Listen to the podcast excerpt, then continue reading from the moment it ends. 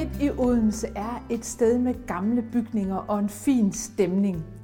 Her har der engang været en bispegård, og kongen har haft sin residens her. Stedet har også været ejet af en velhavende Odense købmand. Men det endte hos en adelig familie Brahe, og i begyndelsen af 1700-tallet der oprettede Karen Brahe et adeligt kloster for ugifte adelsdamer, der kunne tage ophold på klosteret. Karen Brahe elskede bøger, og hun skabte i sit jomfrukloster en enestående bogsamling på flere tusinde bind af bøger og sjældne manuskripter. Klosteret bestod helt frem til 1970, hvor de sidste adelige damer forlod stedet. I dag er Jomfruklostret smukt restaureret af Real Dania, og det benyttes af Syddansk Universitet.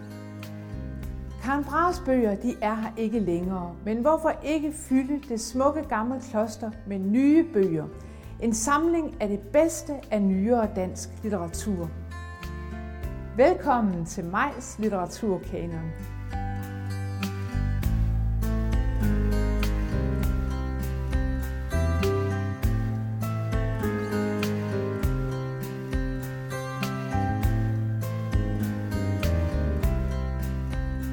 Er fædrelandssange noget, der hører en fjern fortid til?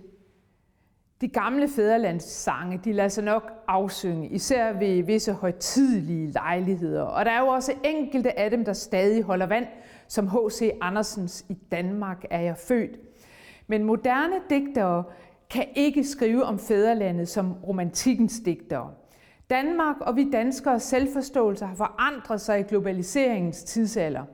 Men moderne sange om Danmark det har forfatterne til gengæld skrevet rigtig meget af.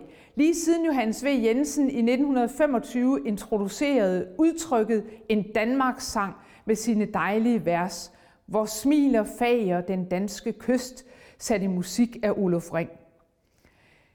En af de bedste nye Danmarks sange, den er skrevet af Michael Falk.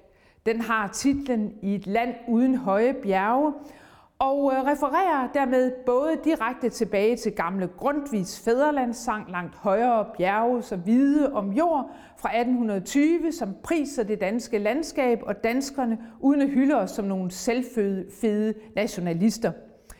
Måske begynder historien om den moderne Danmarkssang i virkeligheden her. Falk tager i alle tilfælde fat i Grundtvigs idé om at skildre landet uden bjerge og med et sprog, en historie og en natur, som andre nationer sikkert sagtens kan overgå. Danmark har dog en vigtig fordel ifølge Grundtvig. Digteren håber, at man vil kunne sige om os, og der har i rigdom vi drevet det vidt, når få har for meget og færre for lidt. Når vi kort sagt får skabt et samfund med økonomisk lighed, så er vi kommet rigtig langt med vores idealer. Falk fortsætter Grundtvigs tankegang med sin Danmarks sang. Han understreger, at Danmark sikkert ikke betyder det helt store i en global sammenhæng. Men der er alligevel noget ved os. Vi har dejlige flade landskaber, og vi har skiftende årstider. Man kan bygge, man kan bo og tro i Danmark. Vi bliver hverken årsag til en verdenskrig eller til verdensfreden, men hjerterne er af guld, hvad enten vi finder guldet på bunden af ølflasken, som det sorte guld reklamerne engang talte om, eller som de guldhorn i jorden, som øens læger digtede om. For i mit folk, der banker hjerter af guld. Det finder vi på flasker og i den sorte muld. I stedet for national selvros, der bruger Falk selvironi, og så bruger han underdrivelser. Flaget er smukt, og det faldt helt sikkert ned fra himlen, men det var vist nok ved en fejl, lyder det i sangen. Som mange andre Danmarks sange, så digter Falk her om naturen, det flade land uden bjerge, om flagets mytologi, om historien, om guldhornene og om sin families tilhørsforhold til landet. Han omtaler sin bedstefar, der sled sig op, og sin mor og far, der fandt hinanden her. I de senere år der har Falk digtet om på sangen et par gange. Udviklingen rundt omkring i verden med flygtningestrømme og mange asylansøgere i Danmark har foranledet ham til at skrive om på et af versene. I den oprindelige version der lyder verset som følger. Og kommer du som fremmed, så glemt alt gammelt had. Vi starter ingen krige, måske en verdens fred. I 2012-versionen der hedder det hos Michael Falk.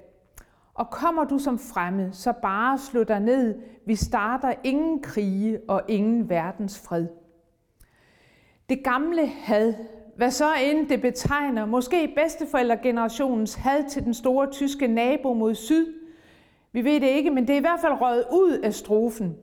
Måske er referencen til tyskerhadet simpelthen blevet for kryptisk og for gammeldags og for uaktuelt. Falk har i stedet for skrevet, gerne ville fremhæve, at Danmark skal være et åbent land. Danmarks sangen bliver i hvert fald i den nye version en opfordring til fremmede om at gøre Danmark til deres land.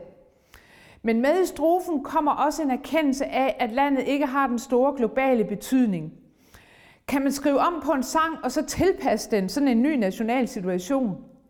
Ja, det kan man da godt. Hvorfor egentlig ikke? Grundtvig, han holdt i hvert fald ikke sig selv tilbage for hverken at skrive om på sine sange eller andres sange og salmer. Hans sungne lyrik, det var simpelthen brugslyrik lige i lighed med Michael Fals. Og Fals Danmarks sang er for længst havnet i Folkehøjskole-sangbogen og blevet et folkeeje. Den er et godt eksempel på, at Danmarks sangen ikke er en uddød genre. For uden Falk, der har også Trille, Kirsten Hammann, Kim Larsen, Steffen Brandt og rapperen Natasha vist, at genren er i fuldt vi gør. Men Michael Falk han var tidligt ude med sine vers, og her er et par af de første.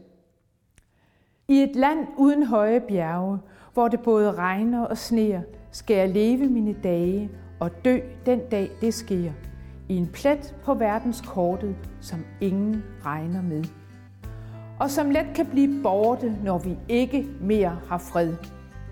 Mit flag har hverken stjerner, hammer eller sejl. Det dumpede ned fra himlen, hvis nærmest ved en fejl. I et land uden høje bjerge vil jeg bygge, vil jeg tro, i et land uden høje bjerge vil jeg bygge, vil jeg bo.